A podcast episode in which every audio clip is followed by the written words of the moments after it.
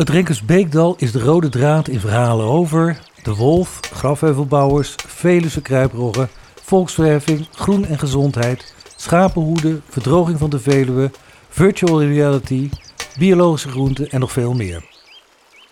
In zes etappes lopen we van de monding naar de bron van de Renkopse Beek. Wij, dat zijn Louis Terhuurne en Barend Hazelegen. Mannen met een goed oor voor mooie en authentieke verhalen.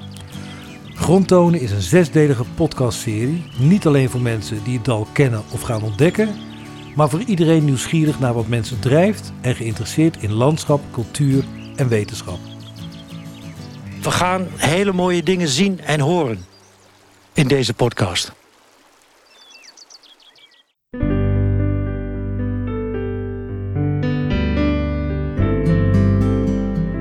In deze vijfde aflevering van Grondtonen lopen we van Kwadenoord naar de Ginkelshei en de provinciale weg de N224.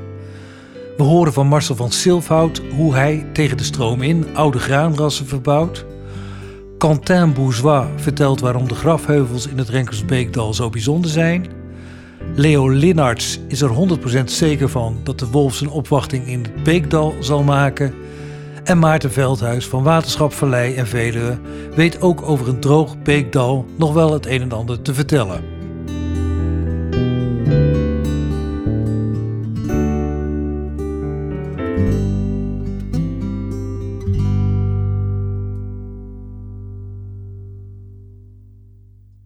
Marcel van Silfhout is boos op Gelderland.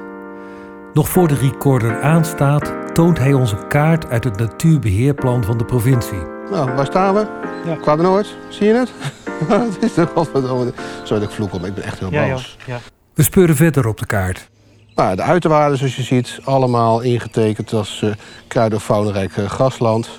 En dan zou er een type kunnen zijn, ehm, die groene. En dat zijn ehm, wel akkers, natuurakkers.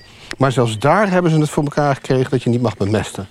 Nou, als je niet bemest, Wordt schaal. dan wordt het schaal, dan heb je geen bodemleven meer. Op een gegeven moment gaat het hout het echt op. Je krijgt zelfs toxische verbindingen. Dat heb je hier op de Boersberg eh, heel erg. Die akker, die nog inderdaad wit is, die is, het, die is gewoon dood. Marcel van Zilfhout is onderzoeksjournalist en graanboer. Met zijn onderneming Graangeluk teelt hij historische graanrassen, onder meer in het Renkersbeekdal. En zoals we net hoorden zijn veel gronden die Marcel gebruikt of zou willen gebruiken door provincie Gelderland onttrokken aan de landbouw en bestemd als natuur. Marcel's granen worden lokaal afgezet en verwerkt tot onder meer brood en bier. En over dat bier valt nog wel iets bijzonders te vertellen. Inderdaad, we kregen daar de gouden medaille. Als beste speciaalbier ter wereld op dat moment, eh, najaar 2020. Dus eh, ja, je maakt je eerste biertje van granen van de Veluwezoom. En kijk aan, daar eh, waren wij in de stadsbrouwerij Wageningen natuurlijk heel erg blij mee. Hartstikke mooi. En waar, waar gaan we nu naartoe, eh We lopen naar de, dat is wel mooi, we lopen naar de akkers eh, waar de rogge staat. De rogge die de smaak maken bleek te zijn in het bier.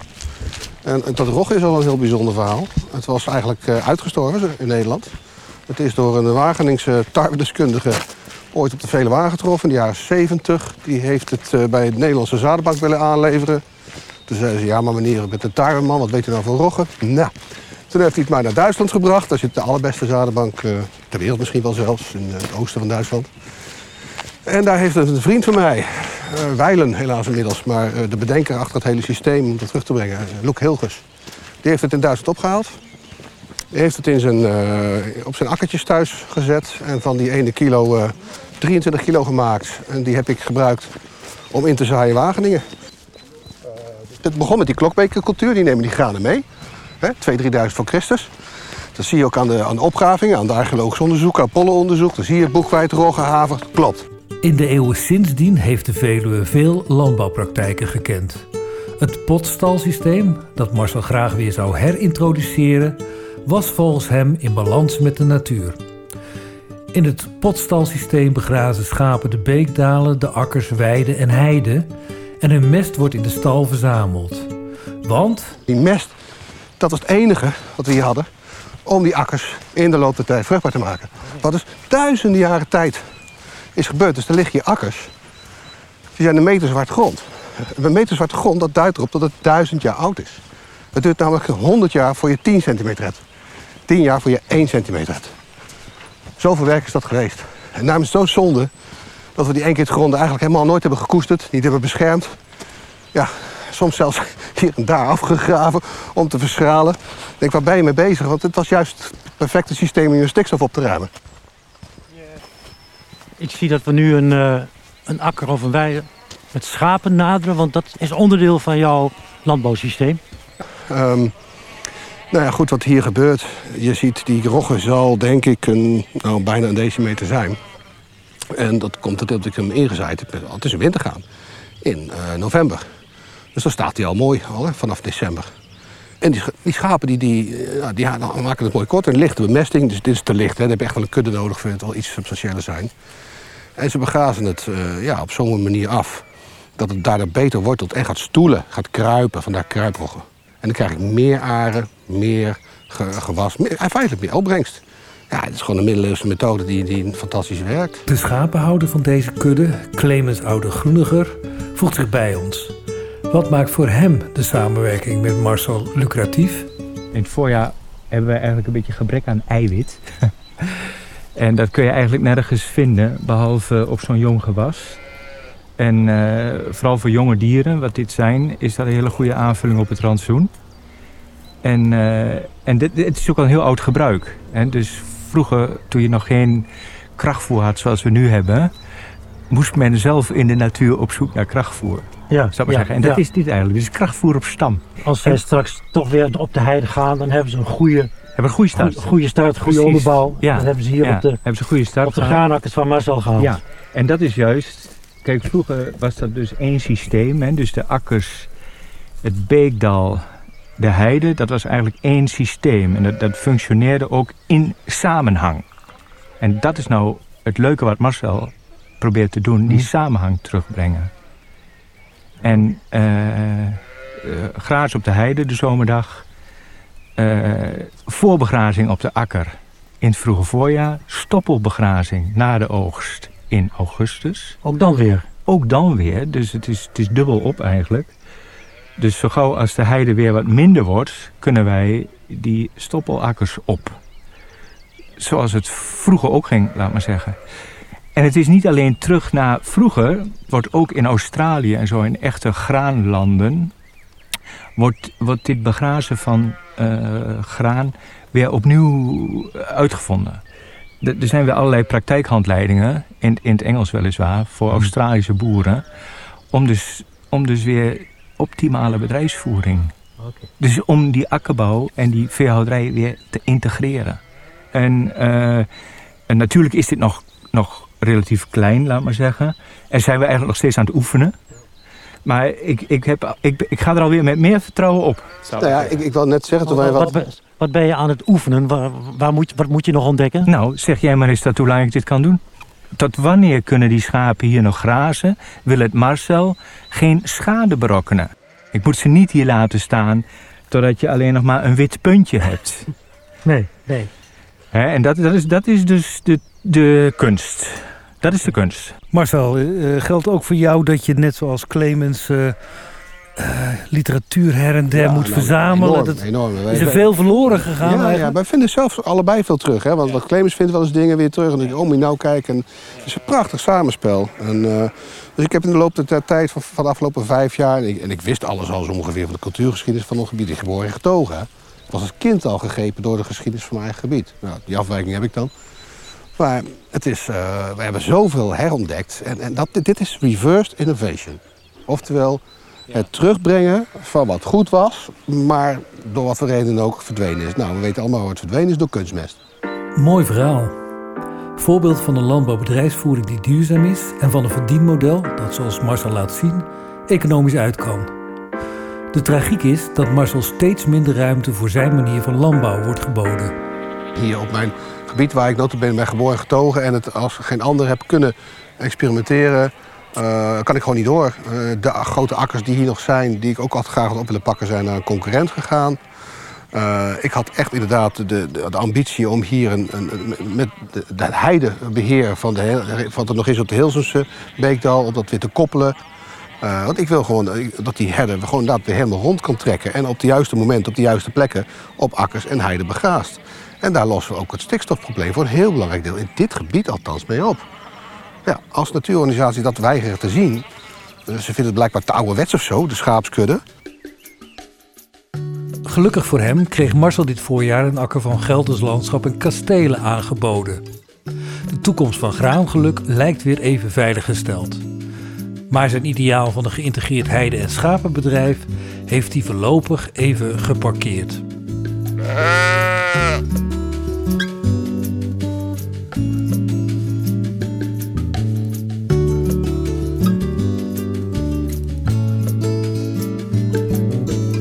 Louis, Maarten en ik lopen over camping Kwadenoord. We proberen de beek, die hier voor het grootste deel droog staat, zo goed mogelijk te volgen. We komen aan bij de spoordijk. Vanaf deze kant oogt de onderdoorgang onder het spoor weinig uitnodigend. We besluiten om om te lopen en de duiken vanaf de andere kant te verkennen. Louis gaat als eerste naar binnen.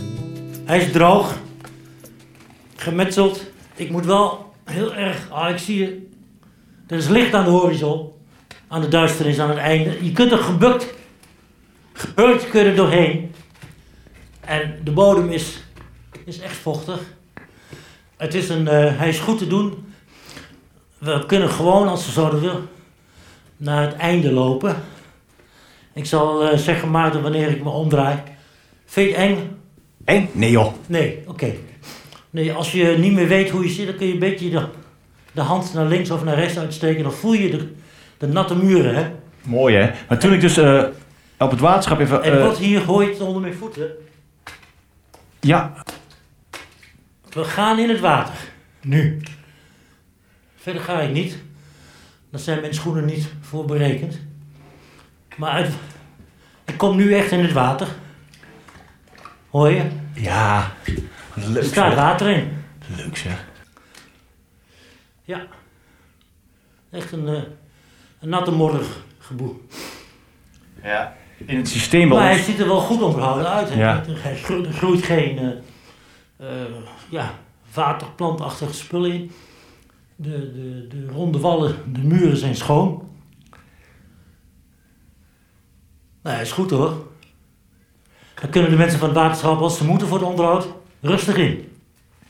Mijn kruipruimte om vloerverwarming aan te leggen is niet zo hoog. Ja, het is prachtig hier. Ja. Je zit dus in een, in een duiker die al 170 jaar geleden is aangelegd. 170 jaar geleden. Ja, rond 1850. Oké. Zo oud is ja, deze dat gemetselde met aanleg van, van de spoorlijn natuurlijk. En eh, de spoordijk. dan zie je hoe, hoe stevig zo'n gemetselde ronde duiker is hè. Geweldig. Is die nooit in, in jullie archief in de geschiedenis eh, met breuken geweest dat ze hebben moeten herstellen of zo? Of in de oorlog? Dat weet ik niet. Ik vermoed van niet. Ik vermoed van niet. Maar het zou natuurlijk kunnen. Maar hier is denk ik vrij weinig gebeurd in deze duik of op deze tijd Nee, en ik geloof ook niet dat de spoorlijn Arnhem-Utrecht eh, gebombardeerd is. Kapot gebombardeerd is. Nee, Wel- wel en- de bruggen natuurlijk. Maar... En dan zijn er natuurlijk eh, over, eh, dat zijn best wel afstanden wanneer je weer zo'n duiker krijgt. En er ligt nog eens een keer een dek op van misschien wel, eh, weet ik veel, wat zal het zijn, 10, 12 meter eh, grond. Ja, ja. Dus dit is een hele, best wel veilige plek zelfs. Ja, Hey, en heren, kan dit voor het edelhert wat betekenen of is dit echt te smal, te nou, klein? dan moet het wel een heel jong hertje zijn. Hij moet zeker geen gewei hebben. dat is één ding. En het andere is, en eh, daar ben ik geen kenner, hoe snel zal een eh, hert hier onderdoor willen als hij alleen maar heel ver weg ergens een stukje licht ziet. Ik hoor nu de trein over me heen gaan. En Louis, had je al gezien dat de bodem ook, ook eh, Ja, klinkers heeft? In het begin heb ik dat gevoel. Dus dat ik zei, dat is, Nee, dat is zeker. Ja, maar ja. halverwege wordt hij nat, modderig. En weet je waarom de klinkers op de bodem liggen? Vertel. Dat is om erosie te voorkomen. Als hier eh, vroeger heel veel water doorheen stroomde, zou het de bodem mee kunnen nemen. En dan zou zelfs het hele stuk, de hele duiker, ondermijnd kunnen worden. Dan zou die kunnen instorten. Ja. Ja, je ziet de onderste rand heeft ook een ander gesteente van de duiker. Nou, we treden weer in het licht. Ik zie ook nergens eh, uitwerpselen van beesten of zo. Alleen, nee, jouw voetafdruk, Maarten, staat hier nu voor heel lang in dit gebied, zie je? Tot, de, ja, tot de volgende bui voorbij komt. Tot de Een volgende flinke bui. bui. Ja.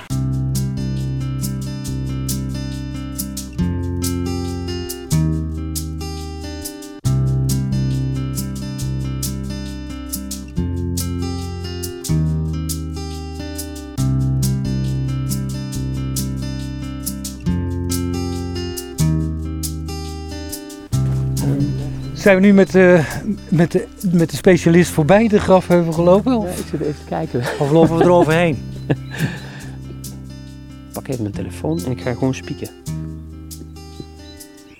Eh, dit is het actueel hoogtebestand. Dus hier zou je het heel duidelijk op moeten kunnen zien of we grafheuvels langslopen. Ja, we, we zijn hier langs deze weg gelopen. Ja, dan moeten we hier ergens staan, denk ik. Ja, precies. Maar daar zien we niks. Ja, dit is een grafheuvel. We zijn er vlak langs, dit, dit is hem. Je hebt hem gevonden? Ik zat de hele tijd naar die kant te kijken natuurlijk. Flauw excuus. Quentin Bourgeois is archeoloog en verbonden aan de Universiteit Leiden. Hij promoveerde onder meer op de grafheuvels in het Renkersbeekdal. Vooral de ordening van die heuvels in het landschap heeft zijn belangstelling. De oudste zijn allemaal op de heide aangelegd. En die heide is nu voor een groot deel bebost. Maar denk je de bomen weg, dan zie je dat die grafheuvels in het Renkersbeekdal iets bijzonders hebben. Quentin, kun je beginnen met een beschrijving te geven van het oorspronkelijke type grafheuvel dat je hier aantreft? Oorspronkelijke type, ja. Kijk, wat we, waar we nu staan is op een, eh een prehistorisch grafheuvel. We staan eigenlijk een paar meter eh, hoger dan, eh, dan alles eromheen. Het is eigenlijk een soort van bult van eh, opgestapeld zand. 20 meter, 30 meter in diameter, 2, 3 meter hoog. Dat is eigenlijk een vrij fors formaat voor een, zo'n, zo'n heuvel, zeker uit die periode. En die werd heel vaak opgebouwd uit plaggen. Het zijn laagjes, nou eigenlijk grasmatten die op elkaar gestapeld werden. En daarmee werd zo'n grafheuvel dan gebouwd. Heel vaak stond er ook omheen nog een eh, houten palen. eh, waarschijnlijk met allerlei versieringen erop, maar die, die vinden we niet meer terug. Maar die stond rond die grafheuvel, die markeerde als het ware die grafheuvel. En dan eh, werd er onder die grafheuvel vaak iemand begraven. En dan eeuwen later kwam men ook nog wel eens terug naar deze plek. En dan ging men ook in de flank van zo'n heuvel andere mensen nog begraven. Maar hoe werd zo iemand nou begraven? Was dat een kist? Was dat, wat werd er gemaakt? Ja, wat er eh, op de Veluwe heel vaak gedaan werd, is dat men een diepe kuil ging graven. Eh, vaak zelfs een eh, meter of twee diep soms, in, in, in sommige gevallen één, één meter zeker. Een ovale kuil. En daar werd de dode dan ingeplaatst in een hele stereotype houding. Een soort van slaaphouding op de zij, handen voor het gezicht ehm, en de knieën opgetrokken. Een soort van eh hurkhouding. Foetushouding. Een soort van foetushouding, ja, inderdaad. Maar dan eh, volgens eh, geslacht werd dat bepaald. Dus mannen werden vaak op hun rechterzijde begraven met het blik naar het zuiden. En vrouwen op de linkerzijde ook met de blik naar het zuiden. Maar de vrouwen met het hoofd gericht naar het westen en de mannen hoofd gericht naar het oosten. In een andere periode gaat het precies spiegelen. En dus er is heel duidelijk is er een beeld bij van hoe de dode georiënteerd moet zijn in het, eh, naar het hiernamaals. Oké. En hadden ze ook giften, geschenken die ze meekregen naar het hiernamaals bij zich in het graf? Ja, meestal kregen ze een hele gestandaardiseerde set van grafgiften. En dat betekent dat ze eigenlijk, eh, ze hadden heel veel spullen natuurlijk in het dagelijks gebruik. En daarvan maakten ze een selectie van de objecten die mee met de doden werden gegeven. Dat is een vuurstenen kling, een eh, battle axe, een eh, hamerbijl noemen we dat in het Nederlands, een eh aardewerken pot en soms nog eens een vuurstenen bijl. Wat is er zo uniek aan de grafheuvels hier in het Renkersbeekdal? Ja, een van de unieke dingen van het Renkemsbeekdal is dat hier een kilometerslange grafheuvelrij is teruggevonden. Er zijn maar een paar van dat soort grafheuvelrijen in Nederland teruggevonden. Eentje bij, tussen Epen en Nierse, ook op de Veluwe. Ehm, waar om de paar honderd meter een grafheuvel is gebouwd. En die eerste van dit soort grafheuvels werden in dit landschap aangelegd rond 3000 voor Christus. En we denken heel snel, op korte termijn, dat zo'n rij gebouwd werd. Uh, in het Renkemsbeekdal is ongeveer 6 kilometer van zo'n rij nog bewaard gebleven. Dus eigenlijk vanaf Renkum tot aan de Ginkelse hei toe, uh, eigenlijk dwars door dat hele gebied heen, loopt een rij, ja, bijna kaarsrecht, uh, waarbij om de paar honderd meter een, uh, een grafheuvel of een groepje grafheuvels ligt. Waarom werden ze op rijen aangelegd? Wat is de betekenis daarvan? de symboliek.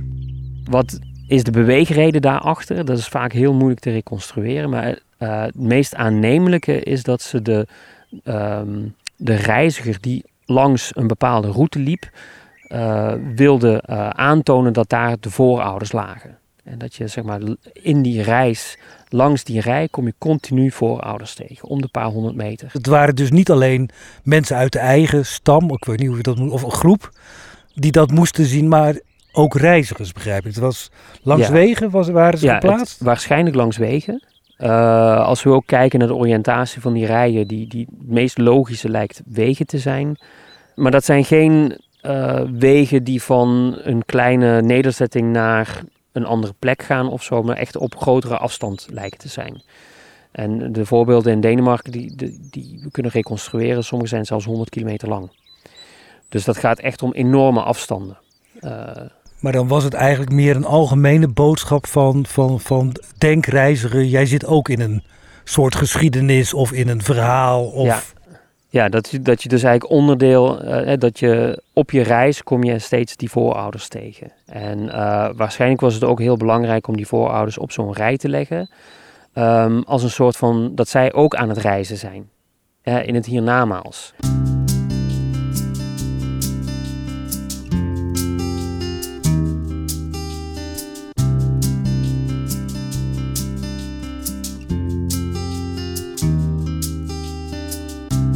Vanaf de spoorlijn lopen we langs de Molenbeek in de richting van de snelweg de A12. Dit is op onze tocht het laatste deel van het gegraven systeem. Maar omdat we tegen de stroom inlopen, is het in werkelijkheid het begin van het systeem. De beek staat hier droog en groeit langzaam dicht. We banen onze weg naar de dubbele sprengkop langs de A12. Nou heren, Ja. hier, hier staan we denk ik. Denk Ik ik. zoek, eh, oh, ik zie paaltjes in de oever. Ja, beschoeiing. een- En beschoeiing zorgt ervoor dat de zijkanten van deze spreng niet in elkaar klapt. Door waterdruk bijvoorbeeld. Trek even wat aan de kant, dan kan ik het goed zien. Zo blijft Ja. de spreng intact. En dan blijft hij dus... eh, dus er was hier heel veel waterdruk ooit. Die dan ook uit de kanten komt sijpelen. En grond en zand meeneemt. Ja, Nou, en hier zie je dus dat een beschoeiing, dat zien we vaak in sprengen, vooral waar dus heel veel grondwater hoog zit en het systeem voedt, dat je met beschoeiingen de, de hellingen, eh, de, de kanten van zo'n spreng overeind houdt. er staat ook een beetje water hier, een meter of vijf voor me. Er staat een beetje water in, ja, dat is echt heel hoopvol. En waar zijn we nu? Ik heb hier eh, een dingetje vanmorgen even eh, van AHN gehaald, heren. AHN staat voor Actueel Hoogtebestand Nederland, de digitale hoogtekaart voor heel Nederland. Kijk eens. Je ziet heel mooi het natuurlijke systeem van het droge dal. Maar wat je ook goed ziet, zoom eens een stukje in, is hoe de natuurlijke stroming zelf in het droge dal een beeksysteempje heeft uitgesleten. Dat zien jullie, hè? En dan ga je nog verder inzoomen. En dan zie je tot hoe ver de mens is gekomen met het graven van het sprengingssysteem. Ik vermoed dat men tot hier is gekomen met graafwerkzaamheden. Precies hier. Dit is een van de jongste stukjes van de Sprengenbeek, denk ik. Van een paar honderd jaar geleden.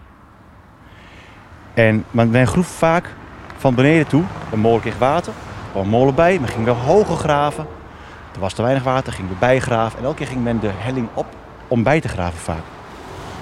Hier is het systeem naar boven uitgebouwd. En we staan hier nu in het systeem waar ooit de beek van nature kronkelde.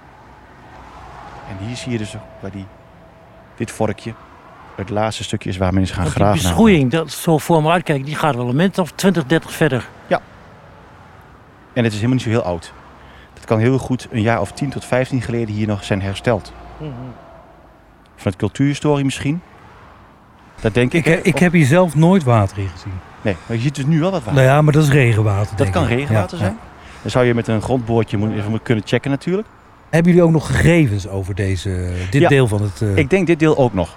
Vanuit de historie. Hè. Wij, wij, wij meten de beken ook. Dus de profielen, de lengte, de hele bodem bijvoorbeeld, de hoge kanten. Maar ook eh, dwarsprofielen, dus door de beek heen. En dat deden we altijd om het A-watersysteem die wij beheren in beeld te brengen. Ehm, en dit is denk ik een A-watergang geweest. Dus het kan heel goed zijn dat, deze nog, dat hier nog metingen zijn van de afgelopen 20 jaar bijvoorbeeld. Zou goed kunnen. Ik ben wel benieuwd wanneer daar nog eh, eh, gewoon springwater eh, in, in stroomde, zeg maar. Ja, dat is een goede vraag. Hoe lang dat geleden is. Ja, Als je dat- dat voor mij zou willen opzoeken, dan nemen we dat op in de podcast. Gaan we proberen. Hij staat vol met jonge berken. Ja. Wildgroei. Ja, daar, daaraan kun je zien dat het onderhoud hier wel gestopt is. Ja, ja. Dus er komen hier geen waterschappers meer, maar ook geen vrijwilligers meer, denk ik, om het systeem open te houden. Nee.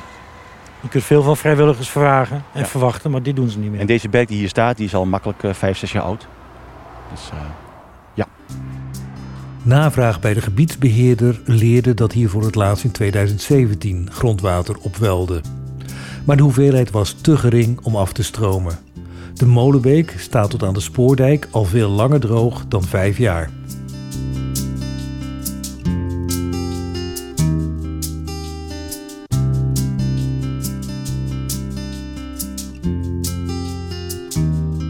Terug naar de grafheuvels in het Renkersbeekdal en de bouwers daarvan. Die blijken immigranten te zijn uit het oosten. In vrij korte tijd trokken ze van Moskou naar de Veluwe. Eh, nou, ten eerste zijn niet vanuit Moskou hierheen getrokken.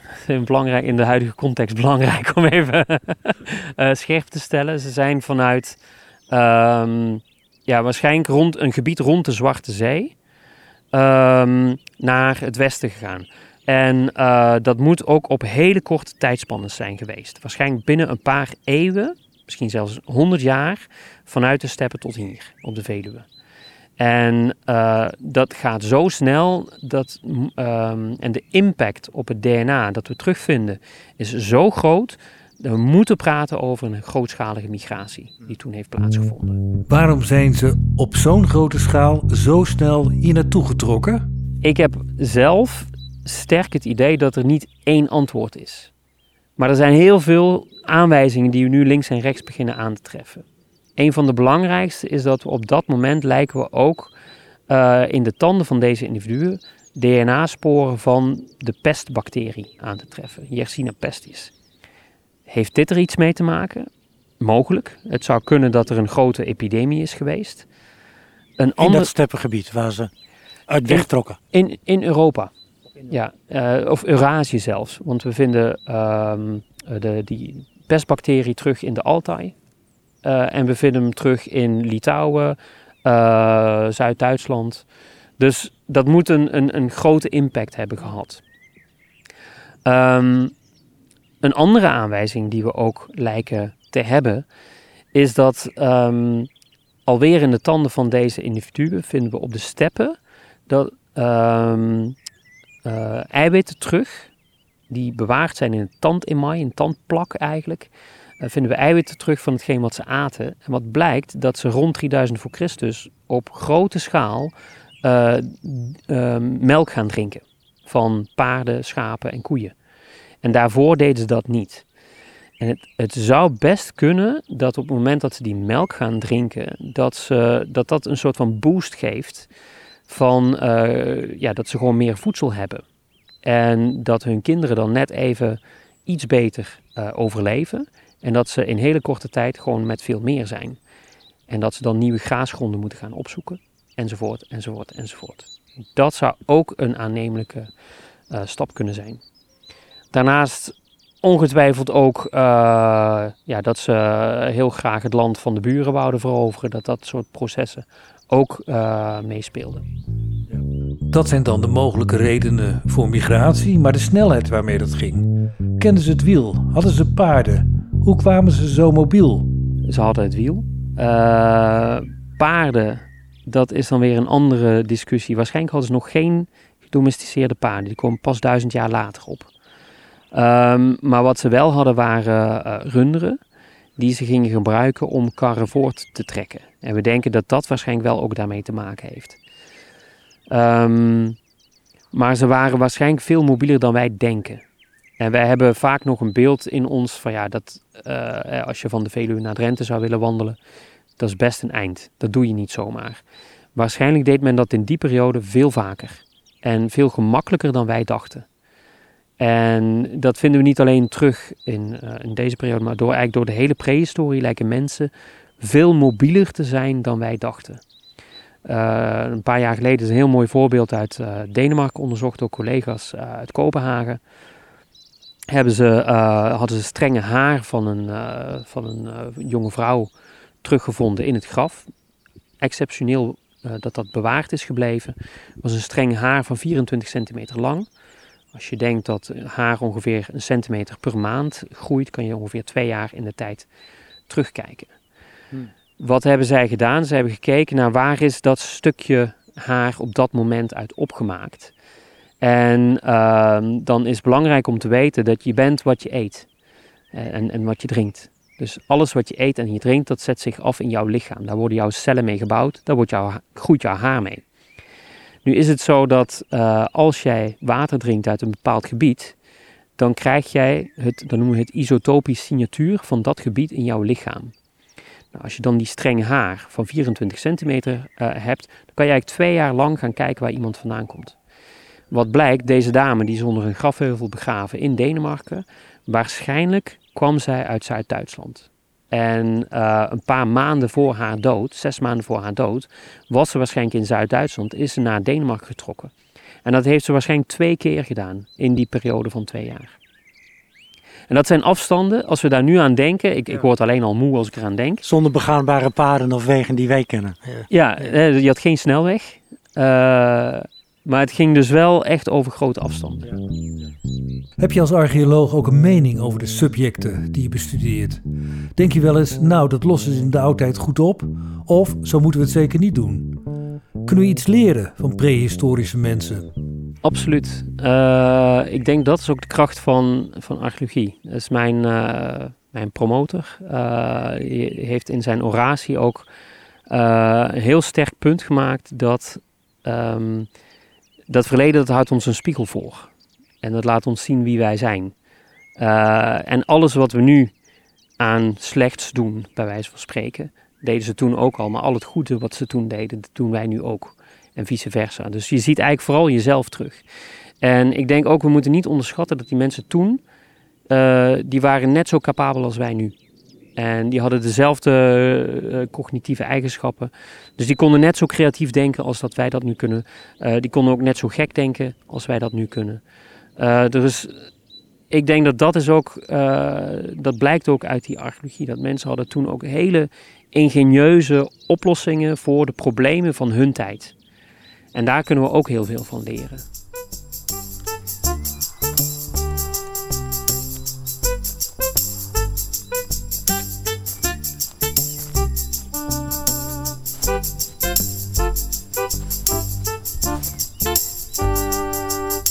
We gaan hier het eh, mountainbikepad op, neem ik aan, of niet? Ja, joh. Duizenden jaren lang stroomde het hier. Het smeltende water heeft het helemaal uitgesleten en een dalletje gemaakt. Waar men later dus de, verderop dus die spring is gaan graven. En je moet je voorstellen, dan was het hier een soort toendra. Het was best koud. Er zat heel veel permafrost nog in de bodem. Hele grote stukken van de Veluwe. Er lag heel veel ijs en sneeuw, maar op. Het ging allemaal smelten op een gegeven moment. Het werd dus, ging boven de 0 graden. Maar die bodem die ging er niet zo snel mee. Dus er, ging er was een hele tijd, dat was eigenlijk de, de laatste ijstijd. Er was hier geen ijsberg, maar het was wel koud. En het smolt en het ging stromen, want kon de bodem niet meer in. Wat nu wel kan, hè? water kan nu overal hier de bodem in. Dus het ging oppervlakkig afstromen.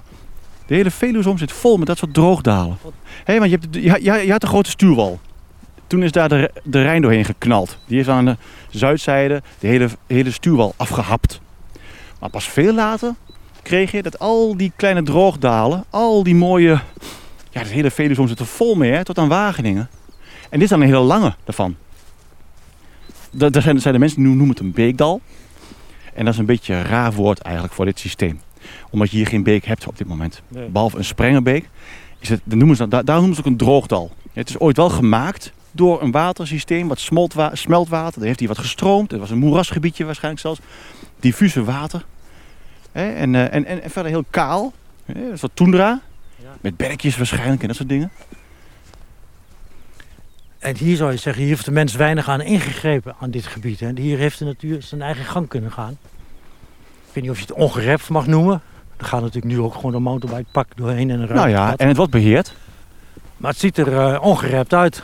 Het is, het is hoe je het went of verkeerd op dit moment. Hè, de, de, het maaiveld en wat je ziet staan is A, door de mensen voor een deel aangeplant. A, we zien heide, dat wordt begraasd en nu opengegooid. Je ziet de dode dennetjes aan de kanten liggen om het open te houden. Dat is ook Nederland. Nederland ehm, is voor een heel groot deel beheerde natuur. Hè? Dat noemt men ook wel... eh, Er zijn maar weinig ongerept stukken. Ik bedoel, En Ja. we horen nog steeds de auto weg. En denk, als je heel stil bent, kun je misschien de trein soms hier nog horen. Kijk, ting! Daar hebben we er één. Zoef, zoef. Een motorbiker passeert ons in stilte.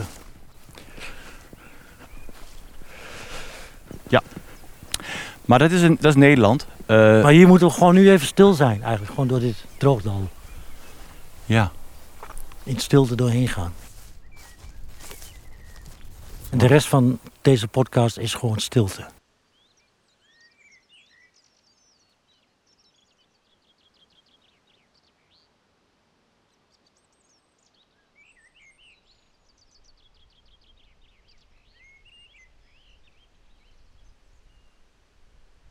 Hoe lang houdt de mens dat vol?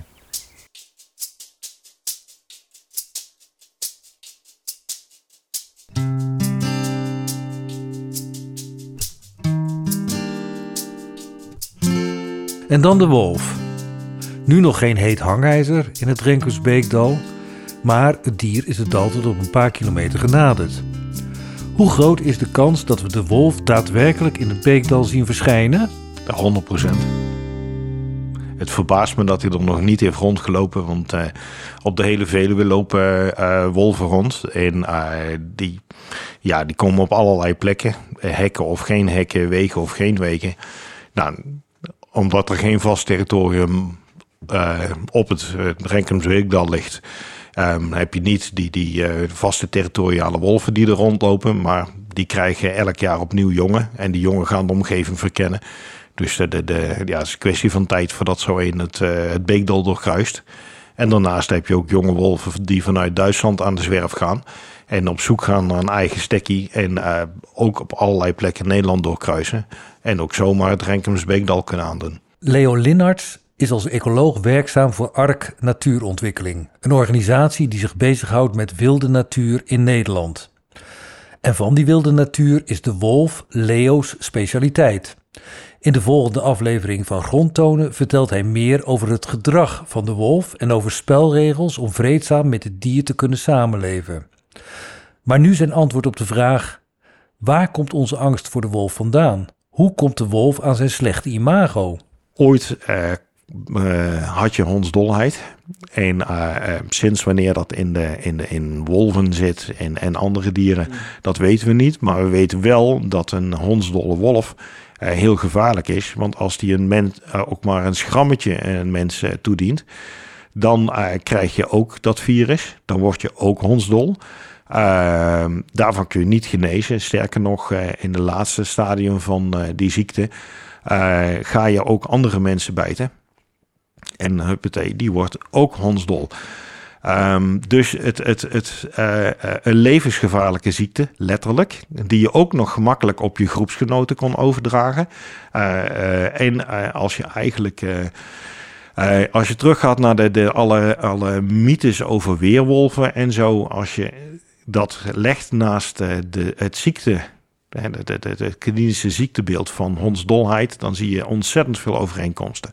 Dus een in zijn tijd dodelijk virus is er via mythes en sprookjes nog steeds verantwoordelijk voor dat wij de wolf met gevaar associëren? Ja, en dat is, een, uh, uh, dat is in ieder geval een belangrijke reden. Want we weten uit het verleden dat uh, meer dan de helft van de slachtoffers van wolven kwam door hondsdolheid. Hondsdolle wolven die zich niet laten tegenhouden door angst of wat dan ook. En die het nog als enige doel hebben om zoveel mogelijk ja, wolven, honden en mensen te bijten. En andere dieren die hondsdolheid kunnen krijgen. Want het virus heeft dan de, ja, zeg maar de hersenen overgenomen, het dier overgenomen. Um, er zit nog een ander aspect bij. Als je teruggaat naar uh, uh, heel vroeger, dan uh, waren we allemaal keuterboeren. We hadden een paar schaapjes, een paar varkens misschien en een koe. Ja. En een, als we geluk hadden, kreeg hij een kalf. En in het dorp hadden ze één stier. Um, dat soort, in dat soort verhoudingen, als dan een wolf bij jou langskomt en één schaap meeneemt, dat is al een drama. Als hij de koe doodt, dan eh, is het echt gewoon, eh, ja, dan heb je gewoon geen melk meer en geen, dus geen boter en dus geen kaas en, en, en dus ook geen kalveren meer. Eh, in die tijden was er ook nauwelijks wild, dus die wolven die aten ook alleen maar vee. Dat was het enige wat er te krijgen was. Dus het conflict tussen mensen en predatoren in het algemeen was heel fel. En ook daar komt dus het, ja, die, die, die verhalen vandaan. Gelukkig hebben we nu een vaccin tegen hondsdolheid en zijn er middelen om schapen en andere landbouwhuisdieren tegen de wolf te beschermen. Of ze werken en enigszins betaalbaar zijn, hoor je in de volgende aflevering van Grondtonen.